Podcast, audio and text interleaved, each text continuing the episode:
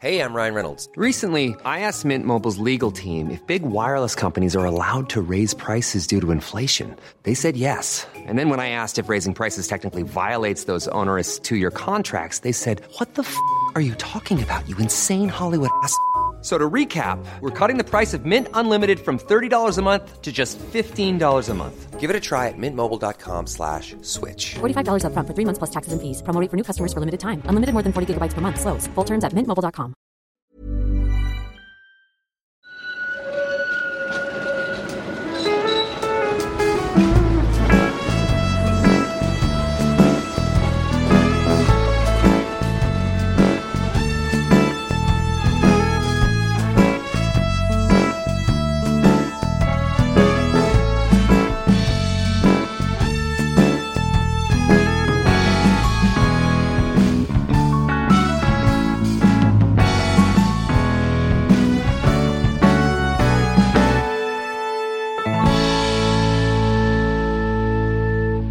Du lyssnar på podcasten Gator och torg i Göteborg som din lokaltidning Göteborg Direkt gör tillsammans med gymnasieläraren och historieexperten Mattias Axelsson. Hur är läget med dig?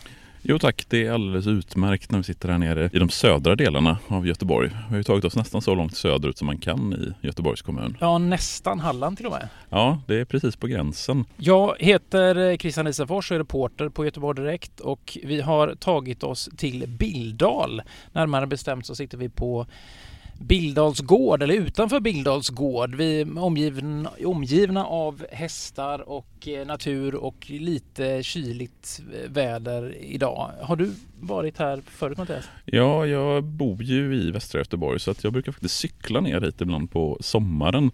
Det ligger ju ganska fina badplatser här omkring. Och även Bildals park som Bildals gård ligger i är ju en fantastisk plats. Framförallt på sommaren. Nu så här höst-vinter så är det väl kanske inte riktigt lika inbjudande. Vi, vi promenerade ju runt här lite och funderade på om vi skulle podda ifrån eh, om vi, ska, ja, om vi ska podda från verandan. Men vi insåg att det var för kallt så vi satte oss i bilen här istället.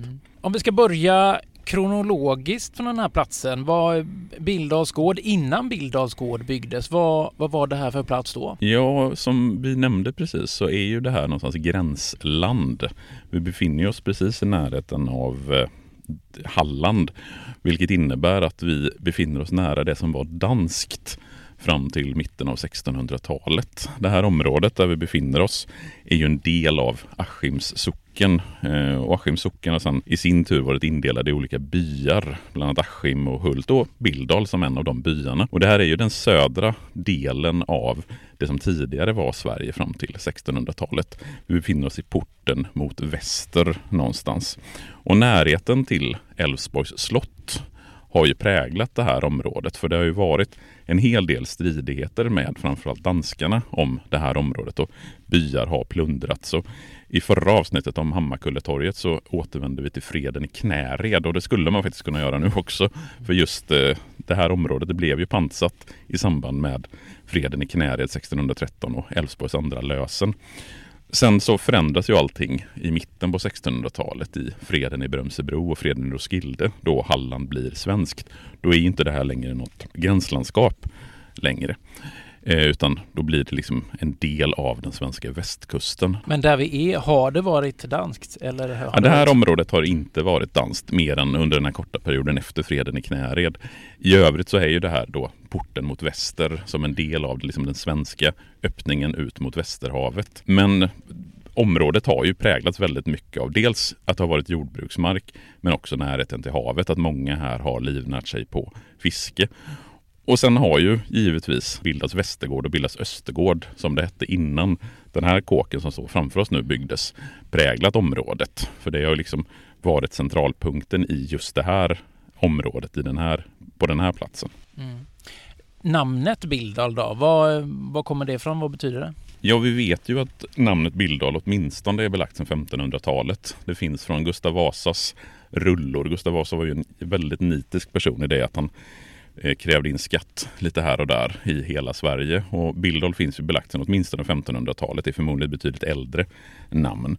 Men det betyder faktiskt ån som flyter fram med möda och besvär. Okej, men Bildals gård då? När byggdes den här gården och, och, och parken till? Det här området som det ser ut idag, det är ju en 1800-talsprodukt. Eh, och det har ju funnits gårdar här tidigare som jag nämnde, Bildas Västergård och Bildas Östergård och de vet vi inte hur länge de har funnits. Och framförallt så vet vi inte riktigt vart de låg för när man rev de gamla gårdarna för att bygga nuvarande Bildals gård, då fick ju arbetarna löfte om att få med sig allt virke och all sten därifrån, vilket gjorde att de gjorde ett oerhört grundligt arbete med att rensa upp de gamla gårdarna. Så vi vet faktiskt inte var Bildas Östergård och Bildas Västergård stod någonstans. Men den här kåken, alltså det som vi idag kallar Bildals gård, den är ju byggd på 1800-talet och det kan vi någonstans tacka den framväxande borgarklassen för. Det här är ju idag ett av Göteborgs mer välbärgade områden kan man säga. Är det, har det varit det sedan den tiden eller har det gått fram och tillbaka där? Man kan ju säga just att Bildal under 1800-talet och med den framväxande borgarklassen blev någonstans en sommaridyll för eh, stans societet. Jag tror vi ska stanna lite vid borgarklassen just för att man måste förstå någonstans vad det är för någonting för att förstå varför Bildalsgård byggs överhuvudtaget. Och pratar vi om borgare, så en historieintresserad kanske framförallt tänker då på borgarklassen under medeltiden och Gustav Vasas tid. Alltså en av de grupper som ingick i den svenska ståndsriksdagen av adel, präster, borgare och bönder. Eh, och då var det en person som hade vissa juridiska rättigheter, eh, stadsborgare. Och det är ju en del av det gamla samhället. Sen under 1800-talet så i och med industrialismen och att det började byggas fabriker så blir det helt plötsligt inte jordägande som blir det viktiga. Det är inte genom att äga jord som du får makt i Sverige, utan det är att äga fabriker och att äga det som vi kallar för produktionsmedel. Eh, och genom det så flyttas fokus från den gamla klassen till en ny framväxande borgarklass. Det vill säga de som äger fabriker, kapitalister, företagsägare, grosshandlare, köpmän och de utgör någonstans, säg 5-10% av befolkningen. Och med den här borgarklassen så växer också fram nya ideal. De eh, nya borgarna, de pratar om strävsamhet, att man ska hushålla med sina resurser, planera för framtiden. Och man såg liksom, dels såg man från borgarklassen illa snett på adeln och deras liksom slösaktighet men också såg man snett på arbetarna som man tyckte inte skötte sig. För den framväxande borgarklassen i Göteborg, då pratar vi framförallt om familjer med engelska namn. Vi har Dixon, vi har Carnegie, vi har... Jag tänker Dixon är ju en, en, alltså en typisk sån familj som många göteborgare kanske i alla fall känner till till namnet. Vi mm. har ju Robert Dixons stiftelse till exempel med, med, som har varit omskrivna eh, den senaste tiden eller sedan en tid tillbaka med... Inte så positivt Inte så positivt med, eh, med bostäderna Carl Grimbergsgatan där. Mm den här familjen Dixon, vilka, kan du, vilka var de egentligen och, och var, varför är de så betydelsefulla för Göteborg? Ja, det är ju för att de är en del av den här borgarklassen som någonstans bygger Göteborg under 1800-talet. Och Robert Dixon kom ju från England tillsammans med sin fru Charlotta Bratt och här i Sverige så föder de sonen bland annat då James Dixon. Och James Dixon kommer ju få betydelse för Bildolfs gård just, så det tänker jag att vi stannar lite vid just James Dixon. Han föds i Göteborg men studerar i England. Det var inte alls ovanligt det där att man åkte hem till England och Eh, genomförde sina studier där. Tillbaka i Sverige så blir James Dixon grosshandlare och brukspatron. Han är också betydelse för stadens politiska liv. Han tar eh, plats i stadens stadsfullmäktige. Han eh, startar den här Robert Dixons stiftelse och donerar pengar till Göteborgs museum och Dixons folkbibliotek. Så han på något sätt bidrar väldigt mycket till i Göteborg och den göteborgska staden. Vi har också ett antal byggnader i centrala Göteborg som är byggda ja, under överinseende och med pengar från James Dixon. Men det som James Dixon gör som får betydelse för den här platsen där vi befinner oss nu, det är att 1862 så köper James Dixon marken som Bildals Västergård och Östergård låg på. Och I och med det här köpet så river man allt det gamla. Alltså man tar bort hela Bildas Västergård och Bildas Östergård. Man har inte hittat några spår av de gamla gårdarna. Det finns liksom inga, ingenting kvar och vi vet inte helt enkelt vart de låg någonstans ens. Och istället så har han planer på att bygga någonting nytt. Han vill bygga ett sommarresident, en ståtlig sommarvilla som han och hans familj kan ta sig från Göteborg med båt ner hit till Billdal, gå av i Billdals hamn, kanske promenera, kanske ta häst och vagn upp till sin herrgård och här då ägna sig åt sommarnöjen, åt representation och så vidare. Det är ju en ganska pampig byggnad. Vi gick, vi gick runt den innan och konstaterade att den är liksom vacker åt, åt flera håll. Det är inte bara framsidan som är vacker och den är byggd i tre våningar och sådär. Och jag läste att arkitekten bakom Billdals gård, eh, att det var lite av ett mysterium. Det har spekulerats tydligen om att det var lite olika namn från den här tiden om olika arkitekter. Men så såg jag att Higab, eh, alltså som är Göteborgs eh, fastighetsbolag som äger det här huset, nu under hösten har grävt fram en artikel i Göteborgs-Posten från eh, ja, mitten 1866 tror jag det var, där reporten skulle besöka James Dixon eh, och hälsa på på Bildals gård. Eh, först var reporten, eh, han kom med ångbåt då och var inte speciellt imponerad av Bildal som sådant. Han hade konstaterat eh, Å kors vad här är fult var hans betyg av platsen.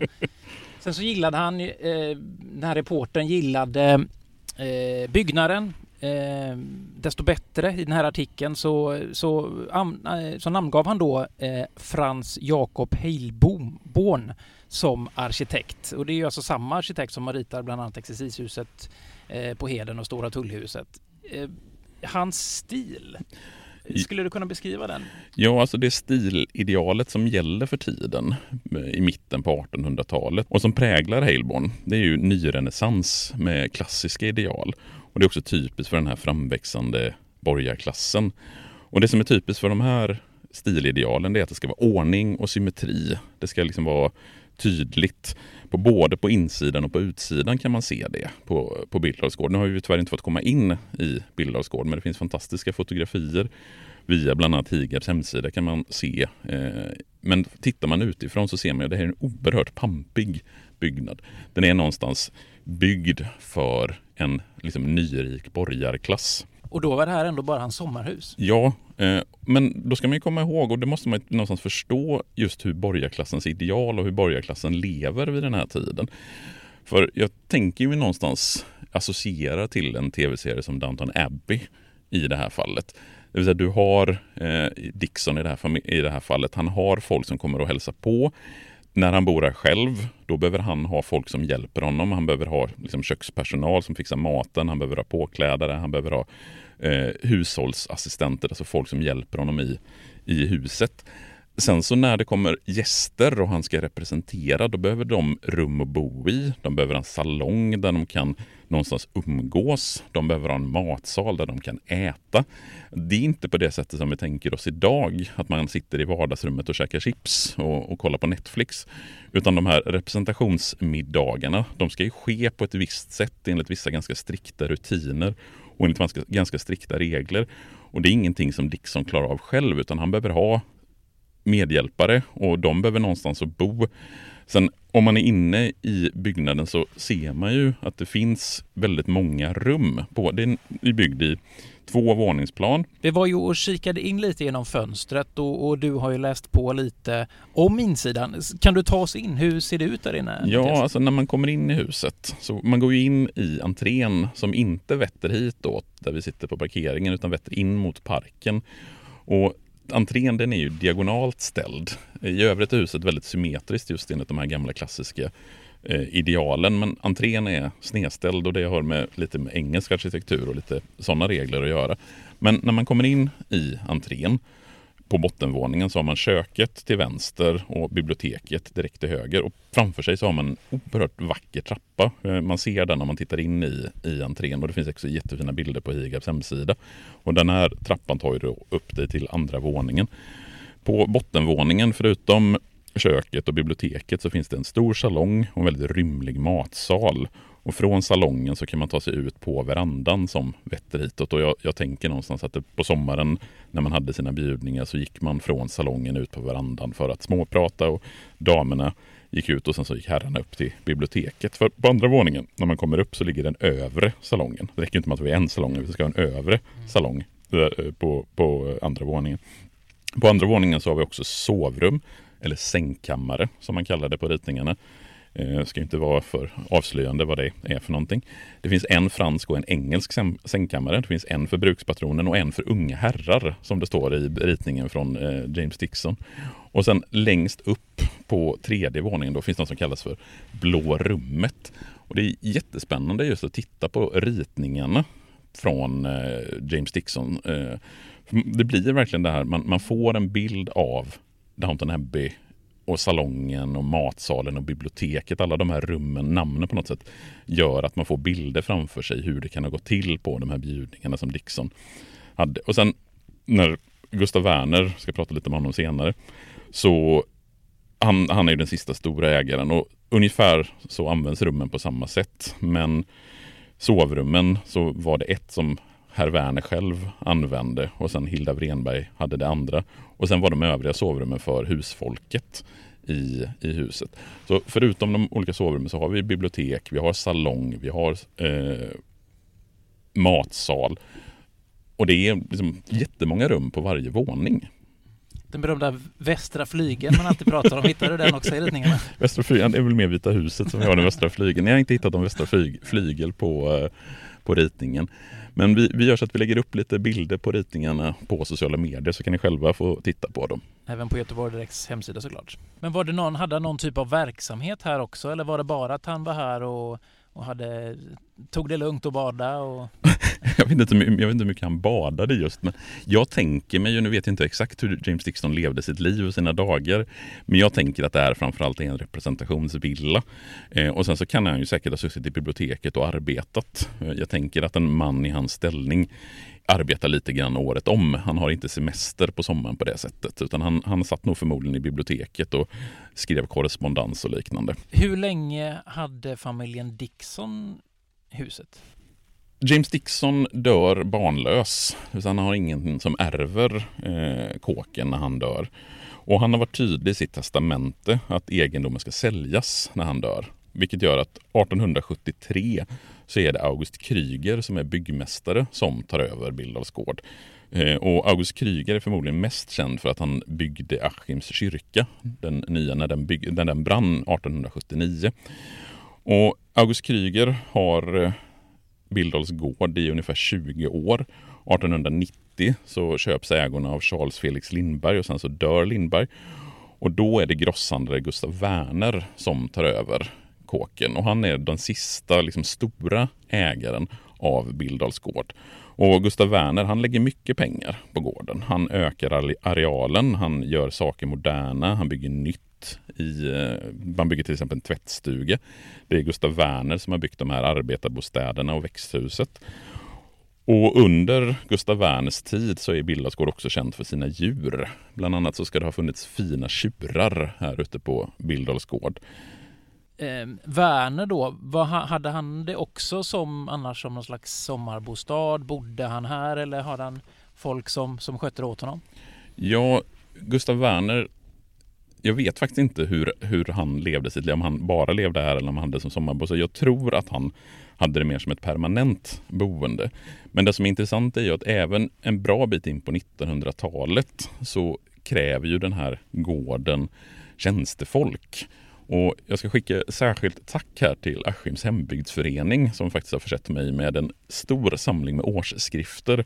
För Askims hembygdsförening de samlar ju material från hela Askim om hur det var att leva förr i tiden. Och i en av de årsskrifterna så finns en jättefin intervju med Arne Johansson som eh, växte, växte upp här på Bildals gård. Han var son till eh, två arbetare som jobbade på, på Bildals gård. Och Arne Johansson han kom till Bildals gård som ettåring redan 1926 och det är ju då under Gustav Werners tid.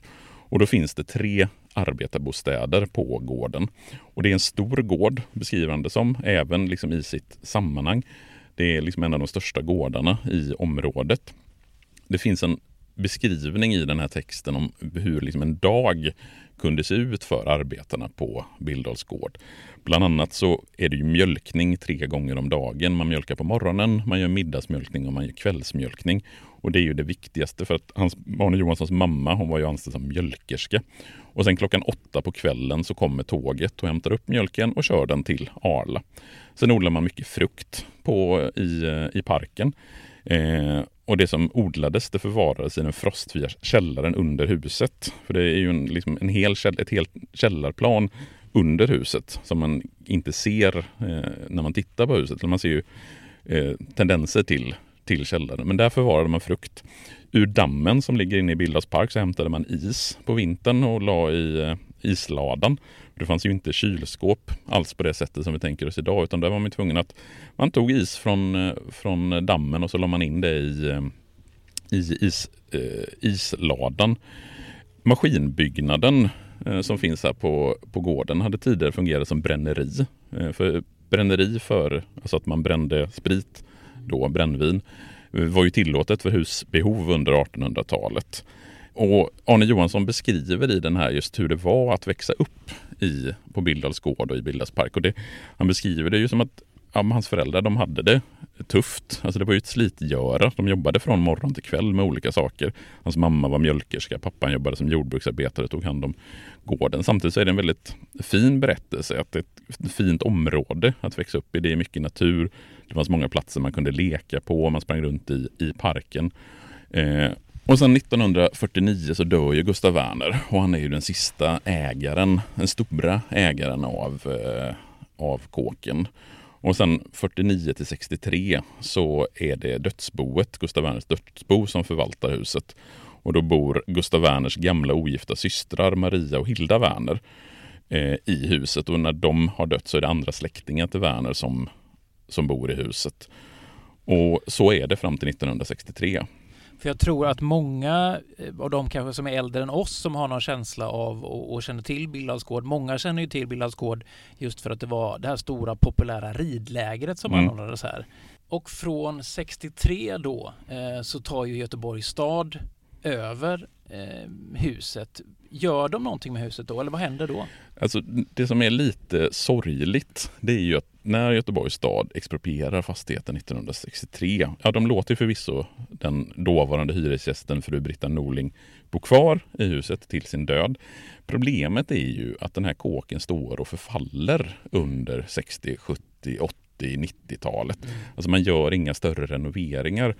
Och jag tror att många som tänker på Bildals gård som är uppvuxna här i området på 60, 70, 80-talet, de ser det mer som ett spökhus. Alltså det är en förfallen kåk. Och jag vet att Jan Jörnmark skrev en väldigt intressant betraktelse just över det här huset. Han resonerar kring att hur den liksom, tidiga industrialismens europeiska borgarklass någonstans bygger de här sommarresidenserna över hela kontinenten. Det är inte bara här i Göteborg som de här byggnaderna smälls upp. De här liksom, stora pampiga kåkarna i, i nyrenässansstil. Och så länge ekonomin rullar på, så länge någonstans det går bra för de här industrialisterna, då kan man fortsätta underhålla husen. Men sen händer det ju saker på 20, och 30 och 40-talet. Vi får den ekonomiska krisen på 30-talet, vilket gör att under framförallt då andra halvan av 1900-talet, alltså 50-60-talet och framåt, så är det staten och kommunerna som tar över allt fler slott och herrgårdar. Och i många fall så passar ju de här jordbruksmarkerna som ju huvudsakligen det här är in i det bonära bostadsbyggnadsprojektet. Om vi tar Hammarkullen som vi pratade om i förra avsnittet så köpte ju Göteborgs stad upp jättemycket jordbruksmark för att bygga miljonprogram. Nu har man ju tack och lov inte rivit Billdals gård och byggt ett stort, eh, ett stort liksom, höghusområde i parken utan Huset har ju fått stå kvar men det har ju genom åren verkligen stått och förfallit. Jag vet att det gjordes någon renovering av utsidan för, kan det vara, fem sex år sedan. Jag träffade en av de snickarna som var med och gjorde den ytrenoveringen, jag tror det kan ha varit 2015, som man ändå liksom tittade och gjorde. För tittar man utifrån så ser det ju ganska, ganska okej ut mm. ändå. Den ser inte förfallen ut från utsidan. Eh, och det som är intressant är ju att tittar man på huset utifrån idag så ser det ut i princip så som det såg ut när James Dixon byggde. Eller det var inte han som byggde det, men han mm. såg till att det byggdes i mitten på 1800-talet. Däremot går man fram och tittar in i fönstren som vi gjorde alldeles nyss när vi gick runt och tittade på huset så ser man ju där inne är det ju ganska stort förfall. Även om mycket av originaldetaljerna i de olika rummen finns kvar. Alltså man ser det här stilidealet från nyrenässansen och de klassiska idealen från mitten på 1800-talet. Man ser det i hur rummen är byggda, för varje rum har liksom sin egen typ av dekormålning, sin egen typ av stuckatur, sin egen typ av lösningar på hur man, hur man har byggt i de olika rummen. Och det ska bli väldigt spännande att se fortsätta arbetet med. Ja, det är ju faktiskt först nu de senaste åren som man har börjat kunna se att det händer saker på utsidan och tanken är ju faktiskt, eh, eller Higab har ju som ambition att öppna upp eh, Bildals gård för göteborgarna eh, och är ju ja, men nu klara då med den, med den omfattande upprustningen av utsidan och ska, jag tror de börjar nu, eh, nu i vinter eh, eller under hösten att de har börjat eh, med upprustningen på, eh, på insidan. Eh, med, där de ska börja med, med entréplan och källarplan som, ska, som de fixar först. Sen är ju tanken också, det såg vi också, att de efterlyser någon ny, ny typ av verksamhet som ska flytta in. Man vill ha fokus på mat, så det är väl restaurang eller café av något slag som eh, eh som kommer flytta in här eh, 2022 tror jag det är tänkt att det ska bli klart. Så de kommer behöva eh, fixa till köket också bland annat. Ehm, så då får vi väl komma tillbaka på en lunch eller? Ja det tycker jag för det ska bli väldigt väldigt spännande att se vad man gör med och hur det här området utvecklas. För det är ju verkligen en sån oerhört pampig kåk. Alltså tittar man på den så Alltså jag, nu är jag ju väldigt svag för just den här mm, 1800-talsarkitekturen. Jag har ju liksom en soft spot för Downton Abbey stilen. Men, men man tänker sig verkligen hur det, hur det kan ha sett ut här i slutet av 1800-talet när James Dixon hade sina stora bjudningar och det var fullt och kvinnorna gick ut på eh, altanen för att småprata medan herrarna gick upp i biblioteket för att röka. Och sen gick man ner i salongen och umgicks och sen så gick man och satte sig i matsalen för att äta. Så att det ska bli några restauranger, det hade ju varit alldeles fantastiskt. Eh, och just framförallt att kåken används överhuvudtaget. För att låta en sån här stor och fin och pampig gård från mitten på 1800-talet bara stå och förfalla, det är ju verkligen det är illa att man inte har använt den bättre. Men förhoppningsvis så ser vi en förbättring där och att man Bildalsgård kommer till användning och att göteborgarna framförallt får möjlighet att se och gå in i det här fantastiska huset.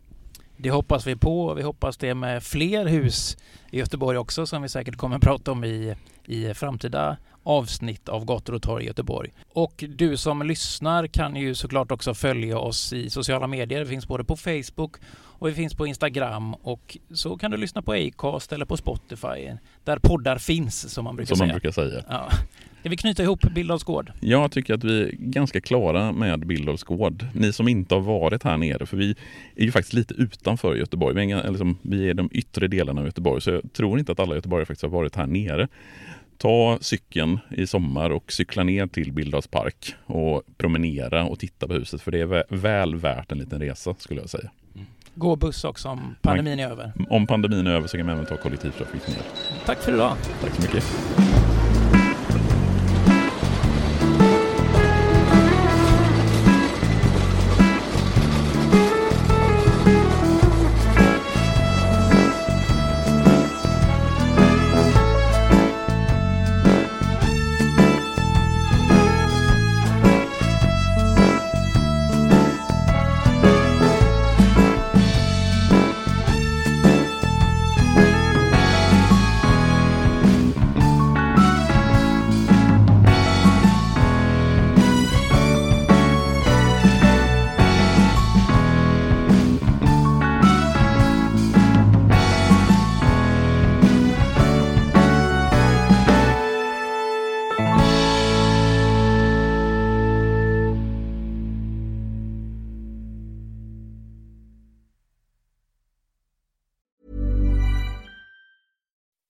When you make decisions for your company, you look for the no-brainers. If you have a lot of mailing to do, stamps.com is the ultimate no-brainer. Use the stamps.com mobile app to mail everything you need to keep your business running with up to 89% off USPS and UPS. Make the same no-brainer decision as over 1 million other businesses with stamps.com. Use code PROGRAM for a special offer. That's stamps.com, code PROGRAM.